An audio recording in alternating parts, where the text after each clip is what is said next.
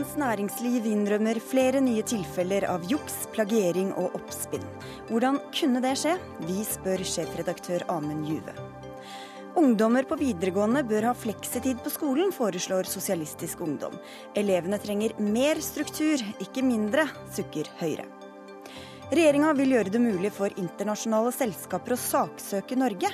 Farlig å flytte makten fra folkestyret til utenlandske jurister, advarer Senterpartiet.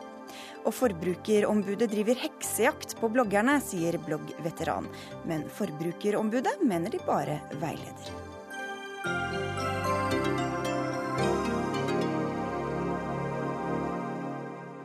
Vel møtt til Dagsnytt 18 i NRK P2 og NRK2. Jeg heter Sigrid Solund. Og vi begynner sendinga med krisemøtet som Nato holdt i Brussel i dag, etter at Tyrkia trappet opp krigføringa mot kurdiske PKK og terrororganisasjonen som kaller seg Den islamske stat. Der sa Natos generalsekretær Jens Stoltenberg at det var riktig av Tyrkia å be om et hastemøte. Og korrespondent Guri Nordstrøm, du er i Brussel. Hva mer kom fram på møtet? Hovedbudskapet fra Nato etter møtet er at de fordømmer terrorangrepene i Tyrkia, og at de føler sterk solidaritet med sin alliansepartner.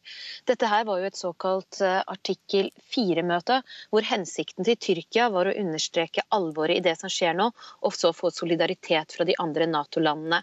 Så Det som kom ut av dette møtet, var akkurat det man hadde regnet med at ville komme ut av det på forhånd. Den tyrkiske presidenten Erdogan sier han vil opprettholde kampen mot terror med full styrke, og forventer resultater etter dagens møte. Fra Stoltenberg fikk han full støtte i kampen mot IS, men ble det sagt noe om kampen mot PKK på møtet? Nei, dette ble det ikke sagt noe direkte om, verken under pressekonferansen eller uh, i erklæringen som ble gitt frem etterpå. Møtet var jo lukket, alle møter i Nato er det fordi det er gradert innhold som skal behandles. Men ifølge en som var på dette møtet, som uttaler seg anonymt til nyhetsbyrået AP, så ble det uttrykt bekymring for uh, uh, Tyrkia sin kamp mot PKK og og Der ble det også sagt at man var redd for eh, hvordan eh, det ville gå med fredsprosessen. Eh, og Det kom jo også fram under møtet at Erdogan sa at han har avblåst denne fredsprosessen. Mm. Vi skal komme tilbake til det, men Hva ble sagt videre om Natos rolle i kampen mot IS? Ja, Her ble det understreket at hvert Nato-land jobber med, i kampen mot IS hver for seg. Og selv om alliansen ikke jobber samlet mot IS, så mener de at det er mest effektivt den måten de gjør det på nå. Eh, Stoltenberg ga også ros til Tyrkia, som nå har økt kampen mot IS. Eh, de har jo tidligere fått kritikk for å ikke ha tatt i dette. Og han berømmet dem for at de også hjelper til på andre måter, som mottak av flyktninger fra områdene der IS eh, herjer. Takk skal du ha, Guri Nordstrøm. Da skal vi til Istanbul, der du er korrespondent Kristin Solberg. Det har vært urolig i byen i dag. Hvordan er de tyrkiske reaksjonene etter dagens møte? Ja, Det har foreløpig ikke vært noen offisielle reaksjoner fra myndighetene. President Erdogan er jo på besøk i Kina, men før han dro så sa han jo at eh, offensiven mot både IS og PKK ville fortsette med samme kraft, og at han ønsket nødvendige skritt fra Nato. Men det mediene her fokuserer på, det er den solidariteten de mener Nato viste med Tyrkia i dag, og den støtten de viser. Og de siterer overskriftene at eh, Nato eh, sier at terrorisme i alle sine former aldri kan bli tolerert eller rettferdiggjort. Og da er nøkkelordet her for mange tyrkere alle sine former. For de leser i det at det også er en solidaritet med Tyrkia i kampen mot PKK.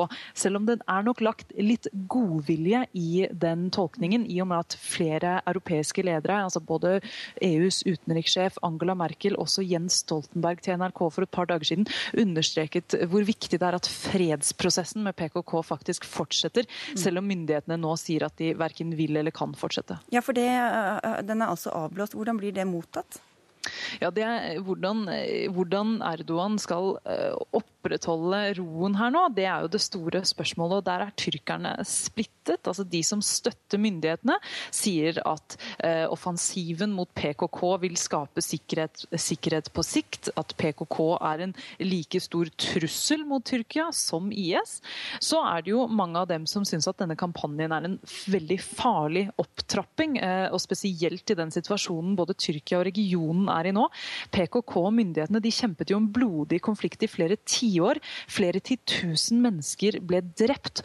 Og eh, det er ikke mange som vil tilbake til den voldsspiralen eh, igjen. Spesielt ikke i en så uoversiktlig region som, eh, som vi ser her i dag. Takk skal du ha, Kristin Solberg. Per Kristian Gundersen, du er kommandørkaptein fra Forsvarets høgskole. Hva kan dagens møte få å si? Vi hørte at alle landene jobber hver for seg, så hva kan det få å si i Natos involvering i kampen mot IS, tror du? Ehm, det var jo veldig tydelig at eh, Nato ikke skulle ha en formell rolle i kampen mot IS. Eh, det betyr eh, egentlig at man fortsetter med denne operasjonen Inherent Resolve. Og der er jo alle Nato-landene med, i tillegg til et førtitalls andre nasjoner mer eller mindre grad eh, i kampen mot IS. Så det, det, det betyr, er at eh, man ga egentlig Tyrkia en velsignelse for, for det de gjør mot IS, eh, primært. Og sekundært også kampen mot terror, og kanskje da inkludert PKK i mindre grad, men allikevel, det ble sagt. Og så, og så at man da viser at man ikke har en formell rolle i kampen mot IS, sånn som det er nå. Hvordan kan denne støtten og legitimiteten som da Tyrkia har fått, bli utnyttet i Syria av president Assad, tror du? Ja, Det er jo det interessante. Altså, eh, president Assad han har vært strategisk eh, klok gjennom disse fire årene på mange måter. Beklageligvis, vil vi si. Fordi han har altså frigitt en del radikale personer fra sine fengsler tidlig i borgerkrigen. Og han har eh, på mange måter kjempet mest mot de sekulære opprørsstyrkene og gitt grobunn for eh, radikalisering av opprøret. Så nå kan altså, han altså sitte i dag og si at vi kjemper alle mot terroristene, dvs. Si opprøret som prøver å ødelegge mitt land. Og Tyrkia har jo vært i, helt i front i forhold til kampen mot Assad og støtte opprøret. Og nå ser vi altså at uh, Tyrkia også bekjemper eh, islamistene i Syria, som da er til støtte, dermed er til støtte for Assad. Men Kan det være noen endring i forholdet mellom eh, Vesten og Assad på gang, tror du? Eh, ja, vi har ikke sett det. Altså, det var eh, Ganske tidlig i borgerkrigen så, så, var jo både USA, Storbritannia og Frankrike veldig tydelige på at eh, Assad måtte gå. Altså, det er en forutsetning for at man kan på en måte gå inn i å finne en politisk løsning. Og det har jo stilnet noe etter hvert. Fordi det er slik i dag i Syria at det er ikke noe alternativ. Altså Den politiske opprørsbevegelsen den har ikke legitimitet hos de som kjemper på bakken. Og dette opprøret har blitt mer og mer radikalisert gjennom disse fire årene. Hvorfor klarer ikke Nato-landene å møte IS, eller å, å nedkjempe IS bedre? Du, da må du nesten dele det opp i, i to elementer. Det ene er i Irak, og så i Syria. I Irak så er det nok enklere, for der har man altså støtte fra den irakiske regjeringen. Og hvis man får på plass eh, en politisk, eh, god politisk dialog mellom Shia og Sunni i Irak, slik at sunnimuslimene i Irak også føler at de har har en politisk makt og har eh, noe de skulle ha sagt i, i, Irak, så vil de kunne støtte etter hvert kampen mot, eh, mot IS. Og Det er helt avgjørende å få den sunnimuslimske befolkningen både i Syria og Irak til, til, til å gjøre dette og kjempe mot eh, IS. Når det gjelder Syria, så er det mer problematisk. For der har man altså veldig få styrker på bakken som man kan samarbeide med i kampen mot IS. Hvorfor eh, ser Nato seg bedre tjent med å møte dette der land for land, men samlet i stedet for fra Nato? Eh, det er nok flere aspekter ved dette. Eh, man har altså, står jo tungt inne i Afghanistan eh, fortsatt. Og man har altså Libya-operasjonen også frist i minne, som, som, på en måte var, kan du si, var en militær vellykket operasjon. Men vi ser altså resultatene av i dag med, med et veldig kaotisk Libya. Um, og det er slik at denne amerikanskledede koalisjonsoperasjonen, uh, Inherent Resolve, uh, den, den, på en måte foregår som man gjør gjør nå. Og Nato ser seg ikke tjent med å gå formelt inn sånn sett i denne. Vi får si takk til deg i dag igjen, Per Kristian Gundersen. Du er kommandarkaptein fra Forsvarets høgskole. Takk for at du kom. Dagsnytt 18 alle hverdager klokka 18. På NRK P2 og NRK2.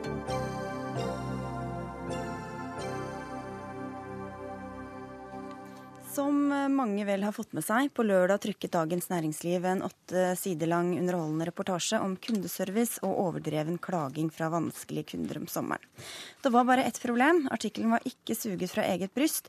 Store deler av den var stjålet rett fra en artikkel i The New Yorker. Kopiert, oversatt og gjengitt som om det handlet om personer og hendelser i Norge. Bløffen ble oppdaget. Journalisten har innrømmet jukset og er ute av alle sentrale journalistiske roller. Men i dag har avisa oppdaget flere tilfeller av plagiat. Så jeg regner med at det har vært en ganske vond dag på jobben for dere, Amund Juve. Du er sjefredaktør i DN. Ja, eh, jeg var tilbake fra ferie i går, og det var en brå start. Eh, og vi har hatt eh, bedre, bedre dager på jobben. Vi har vel til nå funnet syv saker hvor, hvor hvor deler av sakene, ofte veldig små deler av sakene, er da eh, eh plagiater eh, av intervjuer som, som, disse, som, utenlandske aktører har gitt til andre medier, men hvor de i våre saker eh, fremstår eh, for leseren som om det er gitt til Dagens Næringsliv. Og Da du først fikk nyss om dette, hva, hva tenkte du da? Jeg fikk vite om dette da jeg kom på jobb i går klokken halv åtte. og, og ble selvfølgelig eh, forskrekket. Men det første jeg tenkte, var at vi må bare få oversikt over hva er det som har skjedd først i denne saken. Det var den saken som sto på lørdag vi da fikk, eh, fikk eh, vite om. Og, og, vi stilte jo da spørsmål til, til, reporter og gikk gjennom saken og prøvde å finne ut hva som hadde skjedd, og, og, og rette opp og beklage så fort som mulig, sånn at dette ble, liksom, kom, kom, ut og, leserne fikk vite om det så fort som mulig. Og så startet vi da et, et arbeid med å gjennomgå ja, nå gjennomgår vi faktisk alt han har skrevet for oss eh, i de årene han har jobbet i Dagens Næringsliv. Eh, vi har jo invitert eh, den aktuelle journalisten Daniel Butenschøn hit til Dagsnytt 18. Det er sikkert eh, ikke vanskelig å tenke seg at han ikke har det spesielt lett akkurat nå. Han har det veldig tøft, selvfølgelig. Dette, vært, dette, altså, dette er en alvorlig sak for, for Dagens Næringsliv, og, og, kanskje til og med for, for pressen, når dette skjer i en såpass sentral avis som, som, som, det, som det DN tross alt eh, er, men det er jo enda tøffere for, for ham. En sentral avis, sier du, med ganske mye ressurser også. Hvordan kunne dette skje uten at dere oppdaget det? Uh, altså, for det første så dette har jo, dette, det, er liksom, det, er små passasjer i store, eh, ofte i større saker som dette har skjedd. Hvor, hvor 80-90 av, av, av, sakene er, er, jo egenproduksjon. Og så har han da liksom tatt noen få utenlandske aktører som er, er sitert. Dette er en veldig erfaren og, og, og, i utgangspunktet veldig dyktig journalist. Når han leverer saker og, og kommer med intervjuer med aktører, så har vi tatt for gitt at han faktisk har snakket med, med de aktørene som er sitert. Eh, noen ganger så har vi likevel eh, stilt spørsmål. Ofte har dette, dette har vært saker som ikke har vært blant de aller mest kontroversielle. Det har ikke vært saker hvor folk har blitt hengt ut. Magasinsaker. Jo, men, men, de kan også være ganske kontroversielle, og det kan være dokumentarer som er avslørende. Sånn som denne saken på, på lørdag var mest liksom litt sånn humoristisk, eller iallfall litt sånn, litt sånn um, lett eh, sommersak. Men også der har vi innimellom da, eller har vi rett som det er stilt, selvfølgelig stiller vi spørsmål ved, ved sakene. Og vi hadde stilt spørsmål ved, på, nå på lørdag ved, ved et sitat eh, som en amerikansk Eh, professor hadde kommet med. Og så har han en forklaring på dette sitatet eh, som er, som er eh, god. Men så viser det seg da, når vi har gjennomgått det nå i etterkant, at den forklaringen dessverre var usann. Joakim Lund, du er kommentator i Aftenposten og skriver om dette i dag. En alvorlig sak for avisa, kanskje til og med for pressen, sier Juve her. Hvor alvorlig vil du si at den er?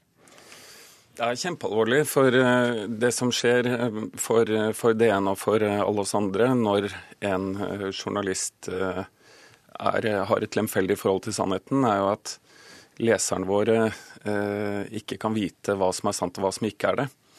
Eh, og Det er på en måte den ene, det er den kontrakten vi har med leserne, den ene tingen som skiller oss fra all den andre informasjonen eh, som, som strømmer inn over folk hver eneste dag. Men hvorfor er det så farlig om han har snakket med kilden selv, eller om det er en annen som har snakket med han og han bare ikke siterer? Altså I utgangspunktet, om, om det er en, en flyvertinne som promper på de reisende og forteller det til han direkte, eller om han plukker opp det et annet sted, i seg selv så betyr det ingenting.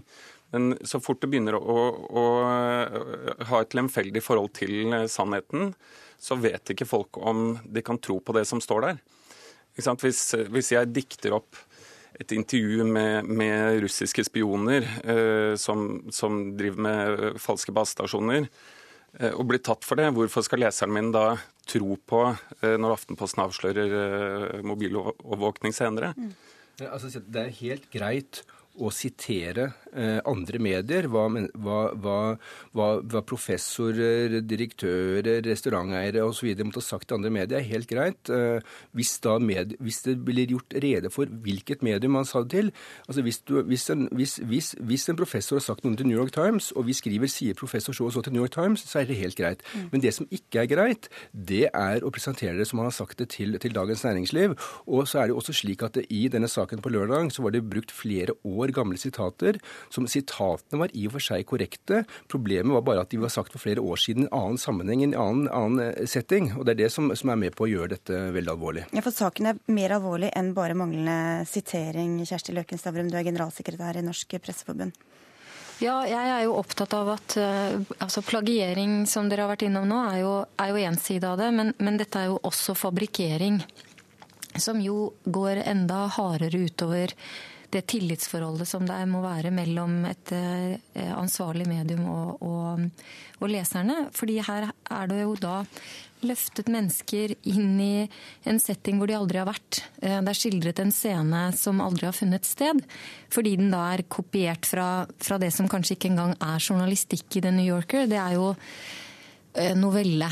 Så, så det syns jeg jo det, det ytterligere gjør jo denne saken om mulig mer alvorlig. Og i hvert fall er det et element til av et problematisk forhold til sannheten her. Er du overraska at dette skjer i en avis som eh, Dagens Næringsliv?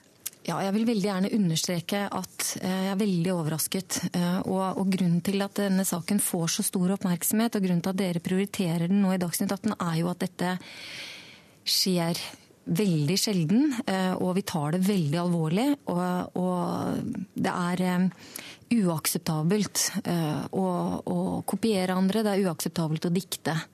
Det, det, er helt utenfor Og det har man selvfølgelig ikke regler mot, fordi det er en selvfølge at man ikke gjør det. Regelen er vel at man ikke skal gjøre det. Men Joakim Lund, hvordan burde Juve behandle dette på redaksjonell plass, mener du, i dagene som kommer? Vi hadde et tilfelle i 2006 i New York Times. Da var det en ung uh, fremadstormende journalist som uh, hadde et litt uh, lignende tilfelle, hvor han både fabrikkerte og plagierte. Da det ble oppdaget, så brukte New York Times hele forsiden sin på en utgave og 50 000 tegn inni på å presentere alt denne journalisten hadde gjort galt i løpet av sin, sine år der. Eh, det er vel det jeg opplever at Juve er i gang med nå. Å kartlegge hva Butenschøn egentlig har eh, gjort i disse årene, og presentere det. Så det tror jeg er helt riktig. Ja, vi har flere medarbeidere nå som går gjennom alt han har gjort. Eh, og, og Vi har for så vidt ikke gjort som New York Times og spart opp alt, også, men vi har tatt det fortløpende. Etter hvert som vi nå eh, finner saker hvor vi finner at det er blitt gjort grove eller mindre grove feil, så presenterer vi disse sakene. Og, og, så langt så har vi, har vi, da dokumentert syv saker eh, som vi har redegjort for. Men du, du sier at dere rett, rett, og slett har stolt på ham. Eh, hva slags redaksjonell kontroll har dere over hva journalistene gjør? og Hva slags kvalitetssikring er det? Eh, det avhenger jo litt av uh, hva slags saker det er snakk om. Hvis, dette for eksempel, hvis det f.eks. er snakk om uh, dokumentarer som kan ha store konsekvenser for enkeltpersoner eller selskaper eller andre, så har vi en nitid kontroll hvor vi, hvor, vi, går gjennom kanskje hver, hver, eneste setning, hver eneste scene, hver eneste sitat. Det er reportasjeleder, det er, det er redaktør, det kan være fotograf og fotosjef, og i, i, i svært alvorlige saker også som jeg, som går gjennom da Eh, hele saken. Eh, I denne type saker, litt lettere saker, så tar vi det nok eh, Har vi dessverre tatt det for gitt at når det kommer relativt ukontroversielle sitater på trykk, skrevet av en svært erfaren journalist, så, så, så, har vært, eh, så har, så har det ikke vært nødvendig å ha samme nitide kontroll av det. Kjersti Løken Stavrum, eh, nå er det mange norske medier som har måttet eh, kutte kraftig. DN er vel ikke verst stilt i så måte. Men frykter du at alle nedbemanningene kan friste flere til å ta snarvei, og at sikkerhetsnettet ikke blir godt nok? Nei, det gjør jeg ikke, og det er det, det er det, en veldig klar grunn til. Eh, før så sa man vel egentlig at Per Egil Hegge var Norges eh, rettetast. Nå har vi eh, 4,5 millioner til rettetaster. Det er så lett å, å, følge med i dag på hvor man henter ting fra, at det, den fristelsen tror jeg egentlig, og etter dette stadig færre, vil være i nærheten av. Men det jeg tror som er mer faglig interessant, er at i de siste årene så har feature-sjangeren eh, blitt så populær i pressen. Eh, og den, den, den, fortellende journalistikken, og det er klart at den stiller andre etiske krav til en journalist. Eh, fordi at det er, en, det er når skildringene får, får, et helt nytt spillerom innenfor nyhetsmediene, så, så, er jo det en glidende overgang mot skjønnlitteraturen. ikke sant? Og da er det veldig fristende å si at det var sol hvis det var regn, fordi det ikke passer inn. Og det er ting som er helt umulig for en redaksjonssjef å etterprøve, selvfølgelig selvfølgelig, sånn at tillitsforholdet blir enda uh, viktigere at, uh, at, det er reelt. da. Men når vi, ja. når vi gjengir scener, og, og, hvis vi skulle være nødvendig for Dagens Næringsliv å beskrive om været eh, den, den, dagen en scene skjer, så er det en selvfølge at hvis vi skriver at det var sol uh, den 24. juni 2014, så var det sol den 24. juni 2014.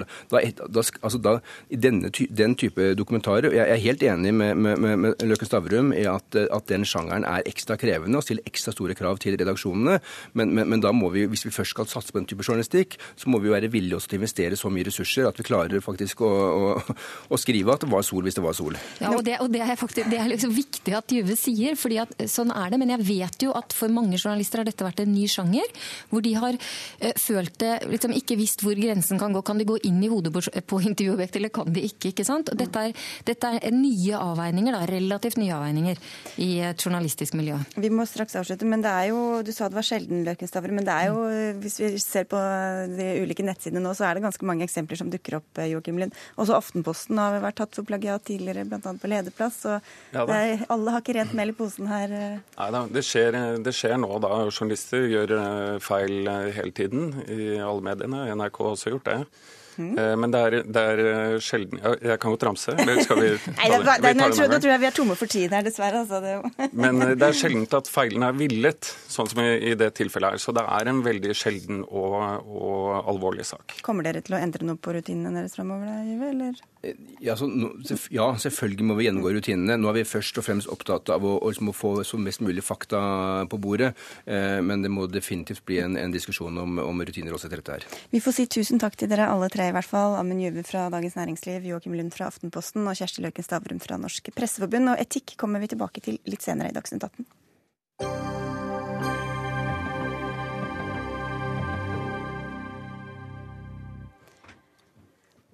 Ja. Eh, hvis du vil gå tidlig fra mattetimen fredag ettermiddag, kan du heller sitte over eller komme tidlig dagen før. Det vil i hvert fall Sosialistisk Ungdom at elever på videregående skole skal få tilbud om. Fleksitid for ungdommen, eh, SU-leder Nicolas Wilkinson, hvorfor det? Vi ser i dag at én av tre elever faller fra i skolen før de er ferdige, og fraværet er altfor høyt. Men vi ser jo samtidig at veldig mange av elevene som har fravær, sier at de ønsker å lære fagene de går glipp av. Og Da må vi lære av de skolene som får dette til. Og Det de gjør der, på bl.a. Elvebakken videregående i Oslo, er at de lar elever ta fleksitid. Dvs. Si at om de vet at de skal ha fravær, f.eks. For, for å gå til tannlegen, så kan de i stedet ta faget på forhånd på skolen, så de får muligheten til å lære alt de skal lære. Henrik Asheim, skolepolitisk talsperson for Høyre, frihet under ansvar. Det må vel være noe for dere? Ja, jeg tror at uh, den pendelen som man har hatt lenge, som har svingt én vei lenge i norsk skole, og som venstresiden har vært uh, i front for å gjøre, nemlig at man skal ha veldig sånn frihet uh, og, og, man skal ha ansvar for egen læring f.eks., den har gått for langt. Den rammer en del av de elevene som kanskje aller mest trenger noen tydelige regler rundt seg. Fordi fraværet, helt riktig som Wilkinson sier, er for høyt. En tredjedel dropper ut, halvparten på yrkesfag. Og de dropper ikke ut fordi de har tannlegetimer, de dropper ut fordi det er veldig stort fravær og kanskje for mye frihet for en del elever. Og Derfor så mener jeg at det å nå innføre fleksitid, altså bare for å si det, Hvis du er borte en time fordi du skal til tannlegen, så hjelper skolen deg veldig ofte med å få beskjed om hva du egentlig skulle lært. Det vi snakker om nå, er å innføre fleksibel skoletid. Elevene i norsk skole har 175 fridager, og så har de 190 skoledager. Og det bør egentlig holde. Ja, Gå til tannlegen, det er jo liksom ikke så ofte man gjør det. Wilkinson. Hva er det elevene som trenger fri til, absolutt må ha fri til og ikke kan gjøre utenfor skoletida i stedet for? Jeg synes jo at Tannlegen er et veldig godt eksempel, fordi det er i skoletiden. og Der har vi jo rapporter bl.a. fra Ols, skole, Olsvikåsen skole i Bergen, som jo sier at det er nettopp dette som skjer. At når elever, også når de har gyldig fravær, er borte fra skolen, i stedet for i dag, som med Høyres politikk, at de da bare blir fortalt dere får prøve å lære dette hjemme, så får de muligheten med en kompetent faglærer å gå gjennom det stoffet på skolen til en annen tid. Så vi ser jo at på Olsvikåsen så har de etter at de innførte fleksitid, så har fraværet gått ned, karaktersnittet går opp, og elevene er jo motivert og fornøyd. Og da forstår jeg ikke hvorfor Høyre skal være mot forslaget. Jeg tror dette er et forslag som altså For det første så tannlege går du til én time kanskje i året, hvis eh, alt er i orden. Så det er kanskje ikke et så veldig godt eksempel på behov for fleksitid i norsk skole. Og jeg tror at forslaget egentlig handler om noe annet. Det handler om at man skal kunne ta ut, jobbe inn tid og ta ut fri når du vil. Og det som er problemet er at altfor mye av skolepolitikken i Norge har handlet om og vært utformet av tror jeg, folk som har vært flinke på skolen selv. Som har hatt ideen om at uh, her kan alle drives av sin indre motivasjon. Problemet er at det kanskje har preget norsk skole i for stor grad. Og SU sitt forslag tar den pendelen som allerede har svingt for langt, og så dytter de den enda lenger. Men det forslaget går ut på er jo at du ikke får lov å ta ut tid før du har bygget deg opp en kvote med noen timer som du har jobbet for mye. Hva er da problemet? Ja, for Det er det andre. Vi innfører nå en fraværsgrense, gjennomfører forsøk på det på 10% fraværsgrense for å bestå i fag. Og Det er noe vi gjør fordi lærerne har etterlyst det også. Grunnen til det er at vi har dyttet for mange av disse kampene ut i klasserommene, og nå dytter man en kamp til ut. Altså Da sier man til hver enkelt lærer at de skal da i diskusjon med sine elever si har du jobbet opp nok, når kan du ta en uke ferie uh, midt i skoletiden. Og det andre er at det å gå på skolen ikke bare er å få utdelt bøkene, og så har du eksamen uh, et år senere. Det er faktisk å delta i undervisningen, være en del av det skolemiljøet skolemiljøet som er veldig viktig, og som vi vet at grunnen til at mange dropper ut pga. høyt fravær, er at de ikke er en del av det skolemiljøet. Det fellesskapet som dere ellers er ganske opptatt av i SV, Wilkinson, hva skjer med det? Mm, og, ja, det, det, som skjer med det fellesskapet, er at de krever jo fleksitid. Elevorganisasjonen har gått først. Og Som vanlig så er jo Høyreskolen sitt svar mer tvang inn i skolen. Men det vi vet fungerer, det er motivasjon. Hvis elever er motivert, så lærer de mer. Og det vi ser på Elvebakken videregående i Oslo, på Amalie Skram i Bergen, på Olsvikåsen i Bergen, er at disse skolene har innført fleksitid. Elevene blir mer motiverte, fraværet går ned og karakterene går opp. Men dette er jo også ressurssterke elever. F.eks. Elvebakken må du ha kjempegode karakterer for å komme inn på. Ja, og Asheim er jo redd for de elevene som allerede holder på å falle ut av skolen. Hvordan skal ja. de takle den eh, fri, ekstra friheten? Men det, akkurat, men det, er jo ikke noe mer frihet. Altså dette, frihet blir jo et veldig sånn tomt begrep her. For Jeg syns det er bra at elever skal få mulighet til å lære med den tiden de har tilgjengelig. Men dette er jo snakk om vi vet at elever har fravær i dag. Forskjellen med vårt forslag er jo at de også vil få muligheten til å ta opp fagene. Det er ingen større muligheter til fravær med vårt forslag. Snarere tvert om. Det vil være større mulighet for nærvær ved skolen, også for dem som må ha fravær i dag. Jeg tror alle foreldre og familier som hører på dette programmet, vet hvor stram en vanlig hverdag er for en familie. Forskjellen med dette forslaget er jo ikke at man kan ta mer fri. Forskjellen er kun det at de som har fri og må ha fravær, også får muligheten på å ta og studere på skolen med faglærer. Det vil jo føre til mindre dropout, ikke mer.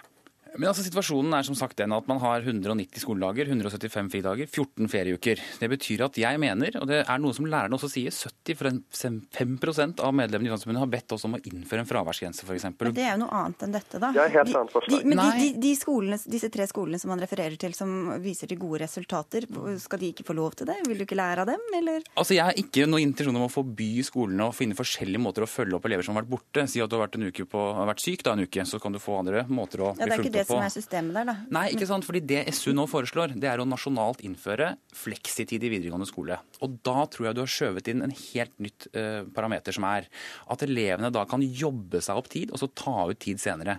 Og deltakelse i skole på de 190 av 365 dagene de skal være på skole, mener jeg er veldig viktig. Og vi vet fra forskning at den store sammenhengen på dropout er nettopp fravær. Vil dere gjøre dette obligatorisk, eh, Wilkinson? Ja, i, en, I startfase så håper jeg at flest mulig skoler vil innføre det. Hvis de ikke vil, så må vi prøve obligatorisk. Men sånn som vi har sett det, så er de skolene Elevorganisasjonen og Sosialistisk Ungdom har jobbet med, så når de får vite om ordningen, så vil de innføre den. Og Jeg vil egentlig sitere rektor ved Amalie Skram eh, i Bergen. Hun sier at ordningen med fleksibel studietid gir elevene en god ansvarsfølelse for egen læring og hjelper dem å bli mer selvstendige. Vi møter fleksitid i arbeidslivet. Da er det viktig at vi også møter det i skolen, så vi læres opp til den hverdagen vi faktisk skal leve i. Ja. Ja, Dette er jo et eksempel da på en skole med en del ressurssterke elever. Jeg har ikke tenkt å forby Amalie Skram å gjøre det, men å innføre fleksitid i videregående skole det er noe lærerne er imot, og det er noe jeg tror er veldig dumt for de elevene som sliter mest med Lærerne har ikke sagt imot. Takk skal dere ha, Nicholas Wilkinson og Henrik Asheim.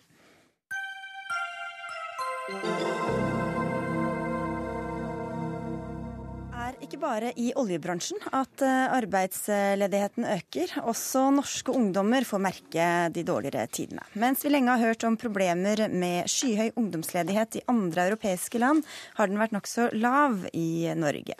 Men nå står nesten én av ti norske ungdommer uten jobb eller skolegang, viser Navs ledighetstall. Og dere mener at regjeringa ikke gjør nok for å stoppe denne utviklinga. Marianne Martinsen, finanspolitisk talsperson for Arbeiderpartiet. Hva er det de eh, feiler på? De gjør jo egentlig ingenting. Eh, de la nettopp fram et revidert nasjonalbudsjett. Eh, det la de fram i en situasjon hvor vi akkurat hadde fått nye ledighetstall, også for unge. Eh, de tallene viste, som jo programlederen refererer til her, at nesten én av ti unge nå står uten jobb. Ledigheten er ti ganger så høy blant unge som blant dem over 54.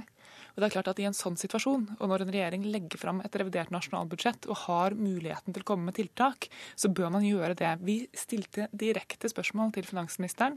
Hva er det dette reviderte nasjonalbudsjettet som konkret møter den situasjonen? Svaret var ingenting. Og da har dere en tipunktsliste som vi ikke skal dra alle punktene fra. Men hva er det viktigste dere da vil eh, gjøre for å mm, komme dette i møte? Det er en kombinasjon av flere tiltak. For det første så gjør vi helt tradisjonelle ting som å øke antall tiltaksplasser. Sier at de skal ungdomsrettes. Øke antall studieplasser. Det er faktisk ganske viktig fordi at søkningen til høyere utdanning har økt kraftig. Regjeringa har ikke prioritert å øke antall studieplasser etter at de tiltrådte. Det er dumt å la de bli stående uten et tilbud. Eh, et løft for lærlinger, både gjennom at man styrker opplæringa, styrker lærerne, styrker utstyrsparken på de videregående skolene, men også lærlingetilskuddet, for at flere skal motiveres til å ta inn lærlinger. Og så har vi sagt, og det er kanskje det prinsipielt viktigste, at for dem som faller utafor, som møter opp på Nav, så er situasjonen veldig ofte at de ikke har formalkompetansen sin i orden. Tre av fire har ikke fullført videregående opplæring av noe slag. Eh, og For dem så er veien tilbake fryktelig lang. Altså, det er en stor fare for at de blir stående permanent utafor. Vi sier at for dem så bør dagpengeregelverket være mer fleksibelt og åpne for at man også tar enkeltfag på videregående. Hva syns du Nikolai Astrup, du er parlamentarisk nestleder i Høyre, om disse tiltakene?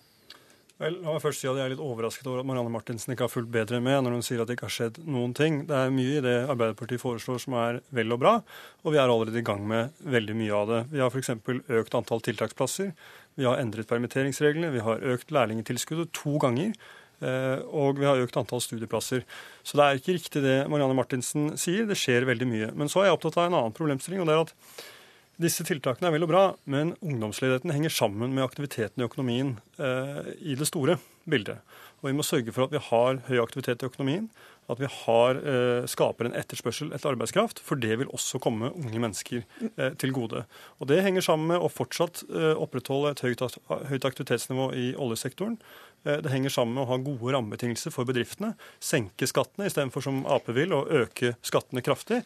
Det er jo det siste man bør gjøre når det er økonomiske nedgangstider. Og det handler om å satse på infrastruktur, vei, jernbane, den type ting som jo har en overføringsverdi, eh, og eh, som bidrar til å øke aktiviteten i økonomien. Hvordan skal det hjelpe for de ungdommene som står der og ikke har fullført eh, videregående, at man har høy aktivitet i oljesektoren? Det er selvsagt veldig Ja, det gjør jo at det blir flere tilgjengelige arbeidsplasser, og det er viktig. For dem? Men, men det er viktig at vi selvfølgelig bidrar til at flere fullfører videregående opplæring. Og er, det kommer en en stortingsmelding om utenforskap og unge mennesker som er utenfor arbeidsmarkedet, eh, fra regjeringen, som, som kunnskapsministeren har, har varslet. Eh, og dette er en problemstilling vi må ta, ta på alvor. Men det er en, også en sammensatt problemstilling. Det er ingen enkle svar her. Eh, det er en rekke små, store tiltak som må til for å få ned frafallet, sørge for at flere fullfører. Og kunnskapsministeren har jo varslet at en livslang rett til videregående opplæring ja, ja. kan være et slikt tiltak eh, som kan bidra til at flere fullfører. Ok, Martinsen. Vi er skjønt enige om at et, høyt aktivitetsnivå i økonomien er, er, avgjørende, og at det må skapes flere arbeidsplasser for at folk faktisk skal ha en jobb å gå til. Det er ikke det, det, diskusjonen, det, er ikke det diskusjonen eh, handler om i det hele tatt. Men for disse unge som står i fare for å havne permanent utafor, så er det ikke først og fremst formuesskattekutt hvor 60% av de som mottar det, er pensjonister som er svaret. Altså, det er hyggelig for de pensjonistene, men det hjelper jo ikke unge folk som står uten formalkompetanse og langt, langt unna arbeidslivet. Og akkurat den diskusjonen som vi prøvde å reise rundt hva vi gjør med denne gruppa, hvordan skal vi sørge for at døra tilbake i hvert fall står på gløtt, og ikke er fullstendig mm. låst, sånn som den er nå, mm. der er jeg veldig skuffa over Høyre sin reaksjon, som har vært veldig avvisende til å møte oss men dette. Men da sier jo han at eh, retten til videregående opplæring i hvert fall blir vurdert ja, til å være dette, livslang. Dette er noe vi nå har til vurdering. Ja, og det er en god diskusjon å ta. Men det vi helt konkret har foreslått nå, det er at hvis du står der da med et vitnemål, eller du har ikke fått vitnemål, men, men du mangler eh, den siste mattekarakteren f.eks., mm. så vil du i dag miste dagpengene dine hvis du prøver å gjøre det f.eks. på et kveldskurs. Og vi vil heller ikke ha et system som fungerer på den måten at du nærmest økonomisk skal belønnes for å droppe ut av videregående. Men det å la, la noen av de som er fjern fra arbeidsliv, som trenger den formalkompetansen i bånn og ikke flere truckførerbevis for å ha en sjanse, la de få lov til å ta enkeltfag i Nav sin regi for å gi de en sjanse, det forstår jeg ikke at Høyre er så avvisende til. Altså for det første så er dette noe som vil bli vurdert i forbindelse med stortingsmeldingen. Men for det andre så, eh, så mener jeg at Eh, vi, noe av det viktigste vi kan gjøre, er å senke terskelen eh, for å gå inn i arbeidslivet. Og det, det har vi gjort eh, ved å endre arbeidsmiljøloven. Da snakker du om midlertidig ansettelse? Ja, slik at det blir enklere for de som nettopp ikke har kompetanse. De får en sjanse til å prøve seg. Og det betyr at arbeidsgivere tør å satse. Tør å si ja, vet du hva, jeg tar sjansen. Selv om du ikke har fullført utdanningen din, så tror vi du har potensial. Vi tar deg inn. Og så viser det seg ofte at vedkommende da er dyktig, gjør jobben sin og får fast ansettelse. Det, og det, er, ja, og det vet og dette var Arbeiderpartiet imot. Ja, det vet vi, det, for det har vi snakket om mange ganger her. Dette er et av de tingene som, som, vi vet virker. Men dette er rene påstander. Her har jo OECD Nei. gått gjennom erfaringene til de landene som har gått langt i den retninga, og det de konkluderer med, er at du må ikke gjøre politisk reform basert på de resonnementene her. Fordi du ender opp i en situasjon hvor du ikke får flere jobber, som jo er det du trenger. Men, men, men, men, du ender opp med høyere, høyere, høyere andel midlertidige, og det går jo utover ungene istedenfor å hjelpe dem. Men hvorfor skal man ha så mange spesial spesialsydde tiltak i stedet for å hva skal vi si, la Kan det være at liksom markedet vil virke når ungdommene ser at de ikke får jobb hvis ikke de tar utdanning osv.? De... vi har etter hvert fått flere eh, titusener som står permanent utenfor. Og jeg tror at det er svar godt nok. At hvis du først ender i en situasjon hvor du får hull i CV-en, hvor du mangler helt grunnleggende kompetanse, så blir veien tilbake fryktelig lang. Nå har vi hatt en tendens i mange europeiske land til sterkt økende ungdomsledighet. Og så ser vi at når den økonomiske aktiviteten tar seg opp igjen, så blir disse hengende etter allikevel. Altså, de blir ikke med på oppturen fordi at de er, de er rett og slett blitt satt på sidelinja. Og Det betyr at du er nødt til å skreddersy tiltak retta direkte mot dem for å hindre at vi får en lignende utvikling i Norge, for det er veldig farlig. Jeg er enig i at vi skal hindre den utviklingen, og regjeringen jobber med dette hele tiden. Men det er klart, det generelle aktivitetsnivået i økonomien er svært viktig. Eh, og det vi ser at ledigheten øker, spesielt på Vestlandet eh, og på Sørlandet. Mens i Nord-Norge og i Innlandet så går det faktisk ganske bra, heldigvis. Eh, og der er ungdomsledigheten langt lavere. Så det å sørge for aktivitet i bl.a. oljen, sørge for gode rammebetingelser for bedriftene, det har mye å si, også for ungdomsledigheten. Da tror jeg vi stanser der hvor vi begynte, og takker av Nikolai Astrup og Marianne Martinsen. Hør Dagsnytt 18 når du vil. Radio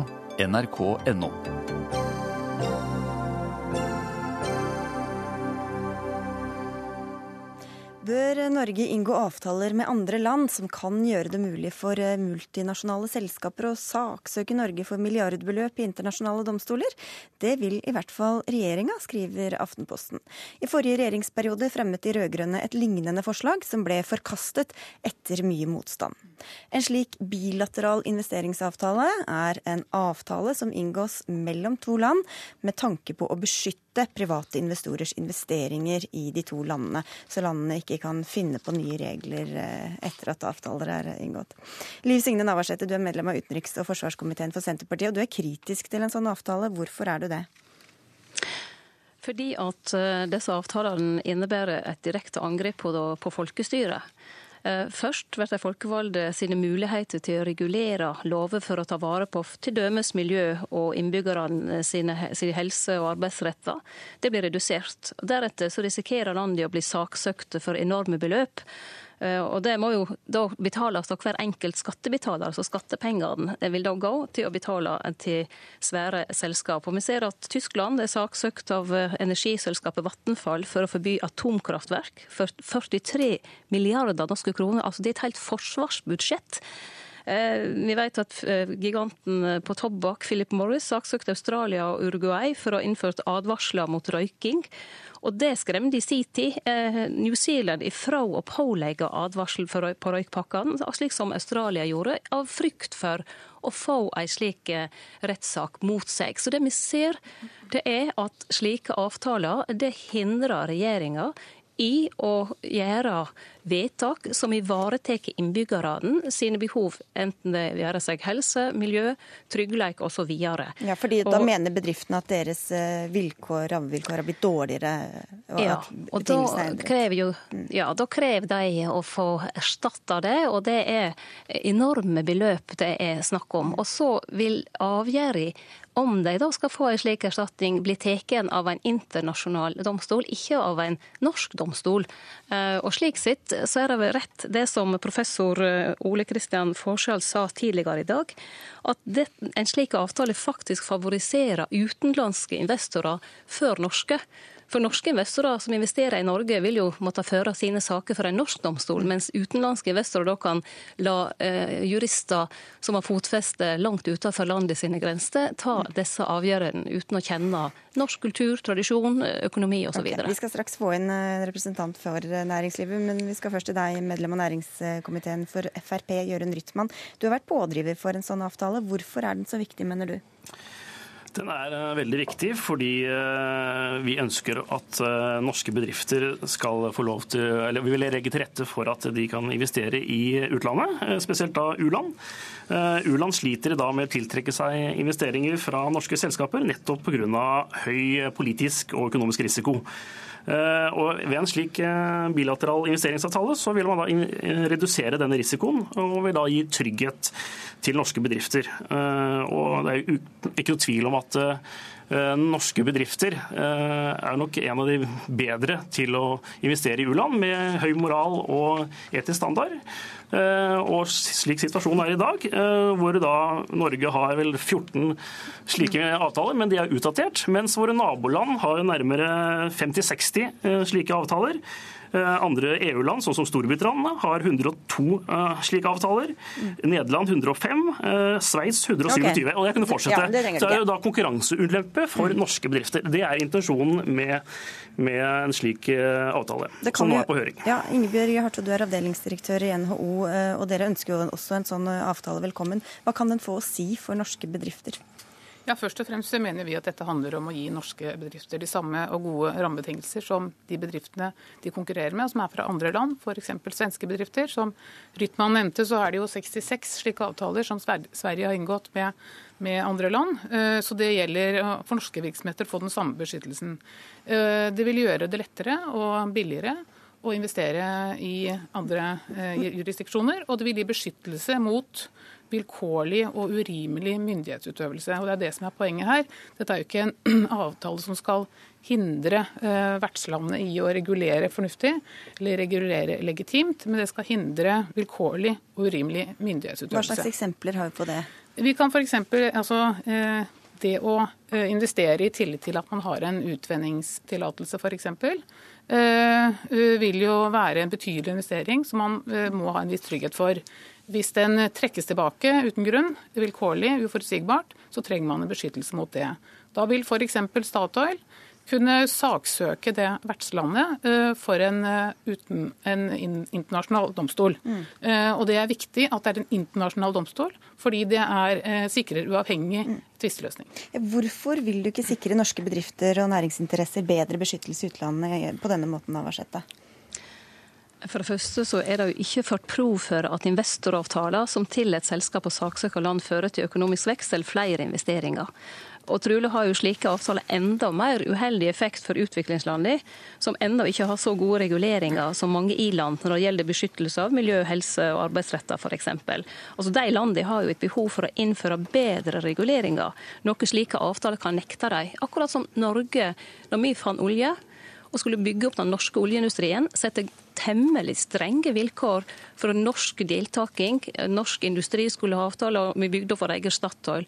Men vi vil jo ikke da tydeligvis gi andre land muligheten for å beskytte sin industri og bygge opp sitt næringsliv. Så jeg syns dette er ganske egoistisk tenking eh, i forhold til å være litt solidarisk for de landene som har behov for å få et sterkere og bedre lovverk for å beskytte sin industri i en vekstfase. Vi kan la Harto få svare på det. Ja. ja. Vi er jo selvsagt enig i at eh, alle vertsland skal kunne regulere dette på en fornuftig måte. Og den foreliggende eh, forslaget til venstreavtale som er fremmet av Næringsdepartementet, den er veldig balansert og god på dette punktet, og legger til rette for at eh, vertsland også kan regulere fornuftig på det området. Og Vi deler nok heller ikke den vurderingen at, eh, at, Statoil ikke kunne sett dagens lys eh, med en slik investeringsbeskyttelsesavtale dersom den hadde vært til stede men, den gangen Statoil ble etablert. Det sa jeg vel ikke heller. Men Rytman, jeg vil til noe av det andre som eh, Navarsete var innom, nemlig myndighetenes mulighet til å da regulere miljø, helse osv. Hun nevnte noen eksempler om tobakk. Det kan være andre miljømessige ja. Det som nettopp Navarsete brukte som eksempel, som syns jeg var litt rart eksempel. Da, siden, slik det er i dag, så er det jo slik at flere norske selskaper sitter på gjerdet og venter på og vurderer om de skal investere. Så hvis da, og Norge var fortsatt en grei rettsstat når andre oljeselskaper vurderte å investere i Norge.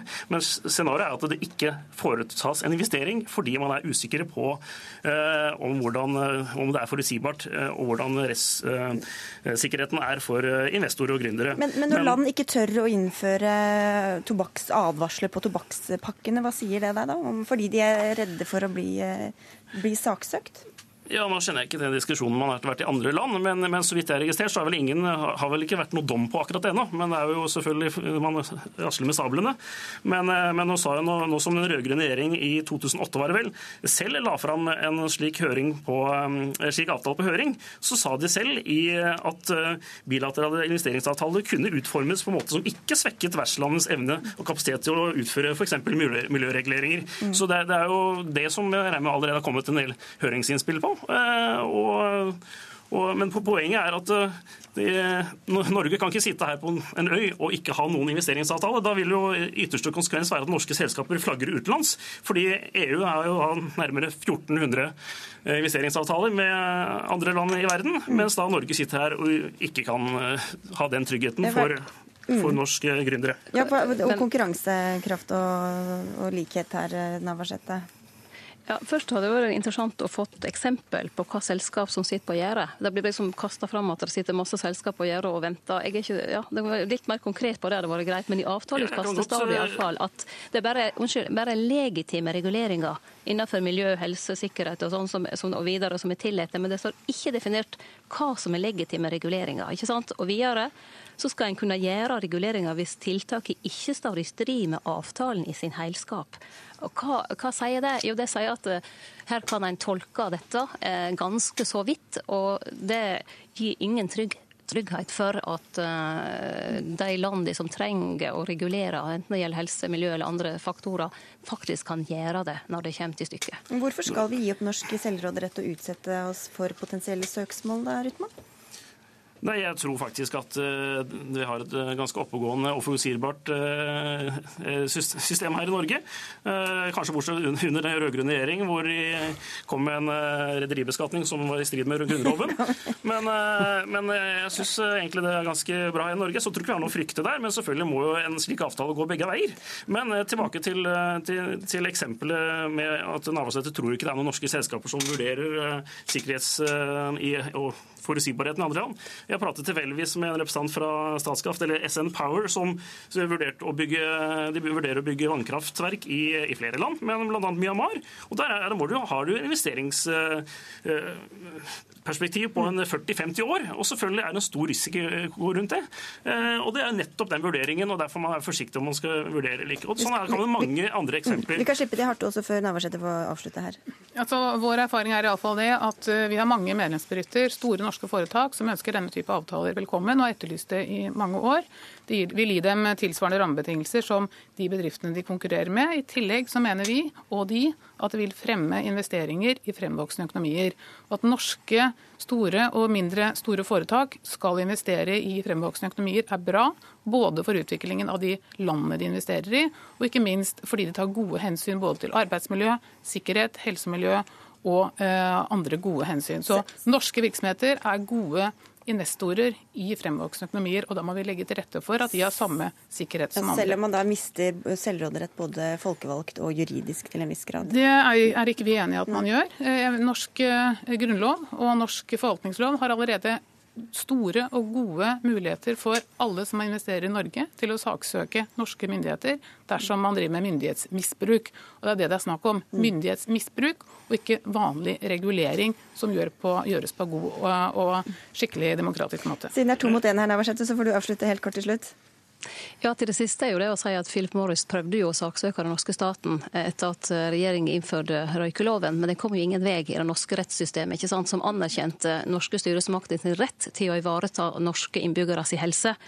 Så dette handler om hvem skal bestemme i framtiden. Er det norske folkevalgte, norsk rettsvesen, eller er det jurister med lang, langt, langt utenfor våre land sine grenser sin base? Er det de som skal styre dette videre? Det hører jeg en ikke har lyst til å snakke om, men det er faktisk noe som vi er nødt til å snakke om før en tar avgjørelse i så viktig ja. sak. Og om drøye to uker er det altså høringsfrist. Vi får si takk denne omgang til dere, Liv Signe Navarsete fra Senterpartiet, Jørund Rytman fra Fremskrittspartiet og Ingebjørg Harto fra NHO. Takk.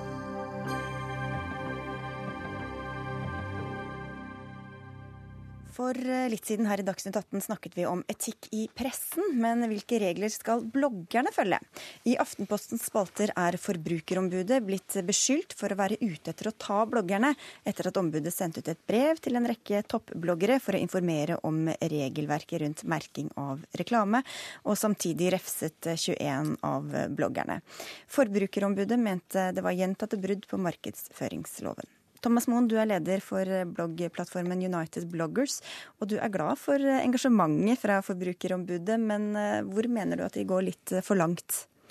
Altså, eh, For det første så vil jeg si at blogging er så mye mer enn å tjene penger. Eh, og Det er blitt fremstilt veldig feil mange steder. Men forbrukerne gjør en kjempegod jobb, og det er viktig at de er der framme og prøver å tolke markedsføringsloven og beskytte forbrukerne. Men det vi føler eh, ofte blir litt sånn diffust og forvirrende, er når de forandrer tolkningen sin. Når de, når de sender eh, strenge brev til unge bloggere eh, som kanskje ikke helt forstår eh, markedsføringsloven, eh, og når bloggeren forklarer seg, så får han beskjed om at det ikke var et brudd allikevel. Så vi føler ofte at det er litt diffust, mm. og vi føler også at det er veldig fokus på å ta bloggere for tiden, når vi ser også veldig mange andre kjente mennesker med et stort publikum på nett som kanskje har grove overtramp, og som også trenger å eh, bli klar over hva markedsføringsloven sier. En, en heksejakt kalte du det i Aftenposten? Ja, eh, jeg syns at det har blitt eh, i overkant veldig mye fokus på, eh, på, på, bloggerne og hva de gjør feil. Og jeg setter også veldig liten pris på at Forbrukerombudet går ut og lekker ut listen til norsk presse om hvem som har fått brev og ikke. Mm. Driver dere heksejakt, Forbrukerombud Gry Elgaard? Nei, tvert imot så syns jeg jo vi driver en opplysningstjeneste.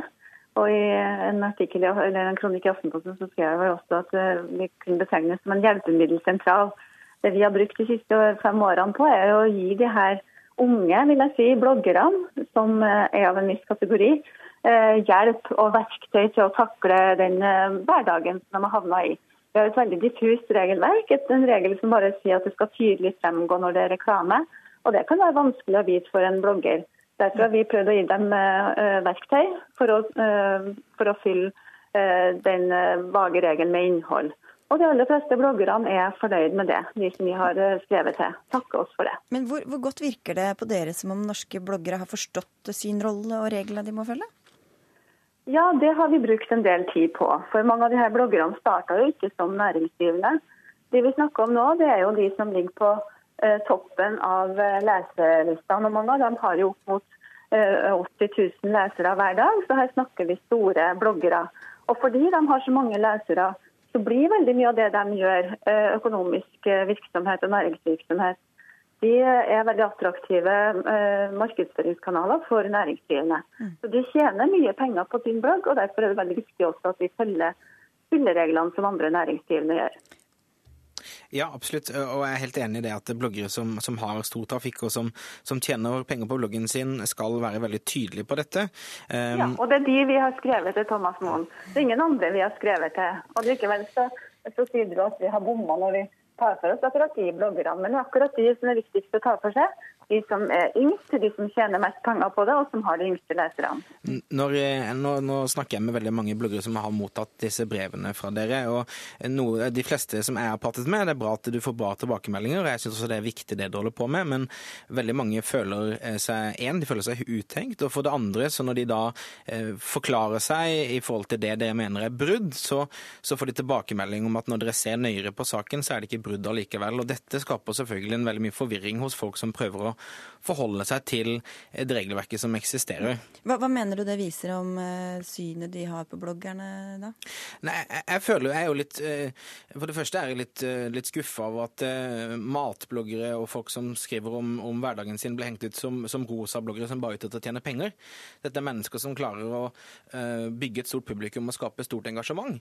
Um, og selvfølgelig når de er næringsdrivende, så skal de nødt til å forholde seg til de reglene som finnes, men det er viktig for meg at det er lik balanse på når en idrettsstjerne står med Red Bull-flaska si på en pressekonferanse eller putter det på Instagram, og når en blogger deltar på et arrangement der han ikke får betalt for å være, være til stede, så vil Forbrukerbudet at eh, bloggeren skal merke sitt innlegg, men at eh, idrettsstjerner ikke får som, noe som helst eh, tilbake. Det er bare det er bare tøys. Vi vil jo ikke at bare de som har fått brev av oss, skal merke. Vi ønsker jo at alle skal gjøre det på riktig måte. Grunnen til at vi har skrevet akkurat det vi har gjort, er at de ofte er de som har vært eh, de yngste og mest eh, uerfarne eh, i denne bloggverdenen. Veldig mange av de som driver blogger jo, har jo kommunikasjonsutdanning, og de regner med greier å tolke regelverket mye bedre enn de som har havna inn i det her litt fordi de begynte å skrive om det de hadde lyst til. Mange av de her bloggerne er jo nesten bestevennene med de lesere, unge leserne de har. Og de unge leserne de fortjener å vite når de innleggene de leser, er kjøpt og betalt. Mm. Det er det vi har jobba med, der vi har prøvd å veilede bloggerne. Ja, er de uprofesjonelle, vil du si? Det, har de ikke skjønt ja, liksom, hvilken makt de har, f.eks.? De starta uprofesjonelt. Fordi at De starta fordi de var flinke til å skrive, de hadde mye å fortelle, de hadde interesser som de gjerne ville dele med andre. Og så har det her vokst seg til å bli en større industri. Mm. Og Det er der vi har kommet inn og prøvd å veilede dem og hjelpe dem. Og de har jo lesere og inntekter som en middels stor avis bare kan drømme om, oh, ja. noen av dem, Thomas Moen. Da må vel forvente at de, at de også holder seg oppdatert på regelverket? Selvfølgelig, og det mener jeg er veldig viktig. Mm. Det som jeg syns er litt eh, skuffende, er når, at, når tolkninger forandrer seg hele tiden for brukerbudet. F.eks. dette med arrangementer mm. der næringsdrivende inviterer folk til å delta på arrangement. Uten at man får noen penger eller noe som helst godtgjørelse, så eh, sendte da Forbrukerombudet ut brev om at det må nødt til å merkes fordi at man er en blogger. Eh, men hvis en hvem som helst annen person som har et stort, eh, stort, publikum på nett dukker opp, så trenger han ikke å merke det som blogging. og det synes Vi har aldri gått og sagt hvem som ikke trenger å merke det. Vi har prøvd å få sagt til bloggerne når det er nødvendig at de merker eller de vi har sendt brev til, når det er nødvendig at de merker det. Men mener du at det... hvem som ikke trenger å gjøre det. Det, det starta med her var at vi så at flere av bloggerne var invitert på et arrangement i utlandet, hvor de fikk betalt reise, de fikk betalt hotell, de fikk betalt mat underveis. Og klart at Da eh, er det et, eh, et, arrangement som de har en økonomisk fordel av. Og Da fortalte de dem at sånne arrangementer, hvis de skrev fra de, så var, eh, måtte de også merke innlegget sitt med reklame. Men mener du det at hvis en, en blogger som vil delta på et bokarrangement, eh, blir invitert på helt vanlig måte, eh, deltar Jeg spørsmål om det, Thomas Moen, skjønner du. Hva sier Gry? Jeg, jeg, prøver å stille et spørsmål. Da må dere gjøre det veldig fort, for nå er sendinga snart slutt. Ja. Eh, jeg tror vi er eh, enige på det mye, men det som er viktig for oss, er at vi har en god dialog, eh, og det at eh, det blir tydeligere og tydeligere hvordan dere skal tolke dette her, for det er veldig vanskelig for mange bloggere å hele tiden hoppe fram og tilbake. Mm. Selvfølgelig, det er derfor vi sender ut sånne veiledningsbrev. og det skal vi fortsette å gjøre. Veldig bra. Og da håper du at, eh, kanskje, at de blir mer profesjonelle i tiden som kommer? Ja, og det ser vi allerede. De vi har snakka med i fem år, de har blitt mer profesjonelle. Så det håper vi at flere skal bli.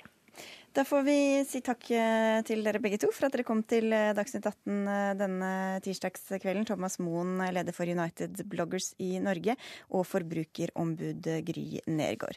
Vi er tilbake igjen i morgen til vanlig tid klokka 18. Ansvarlig for dagens sending var Alf Hartken. Det var Lisbeth Sellereite som hadde det tekniske ansvaret. Og i studio denne kvelden var Sigrid Solund, og vi høres igjen i morgen.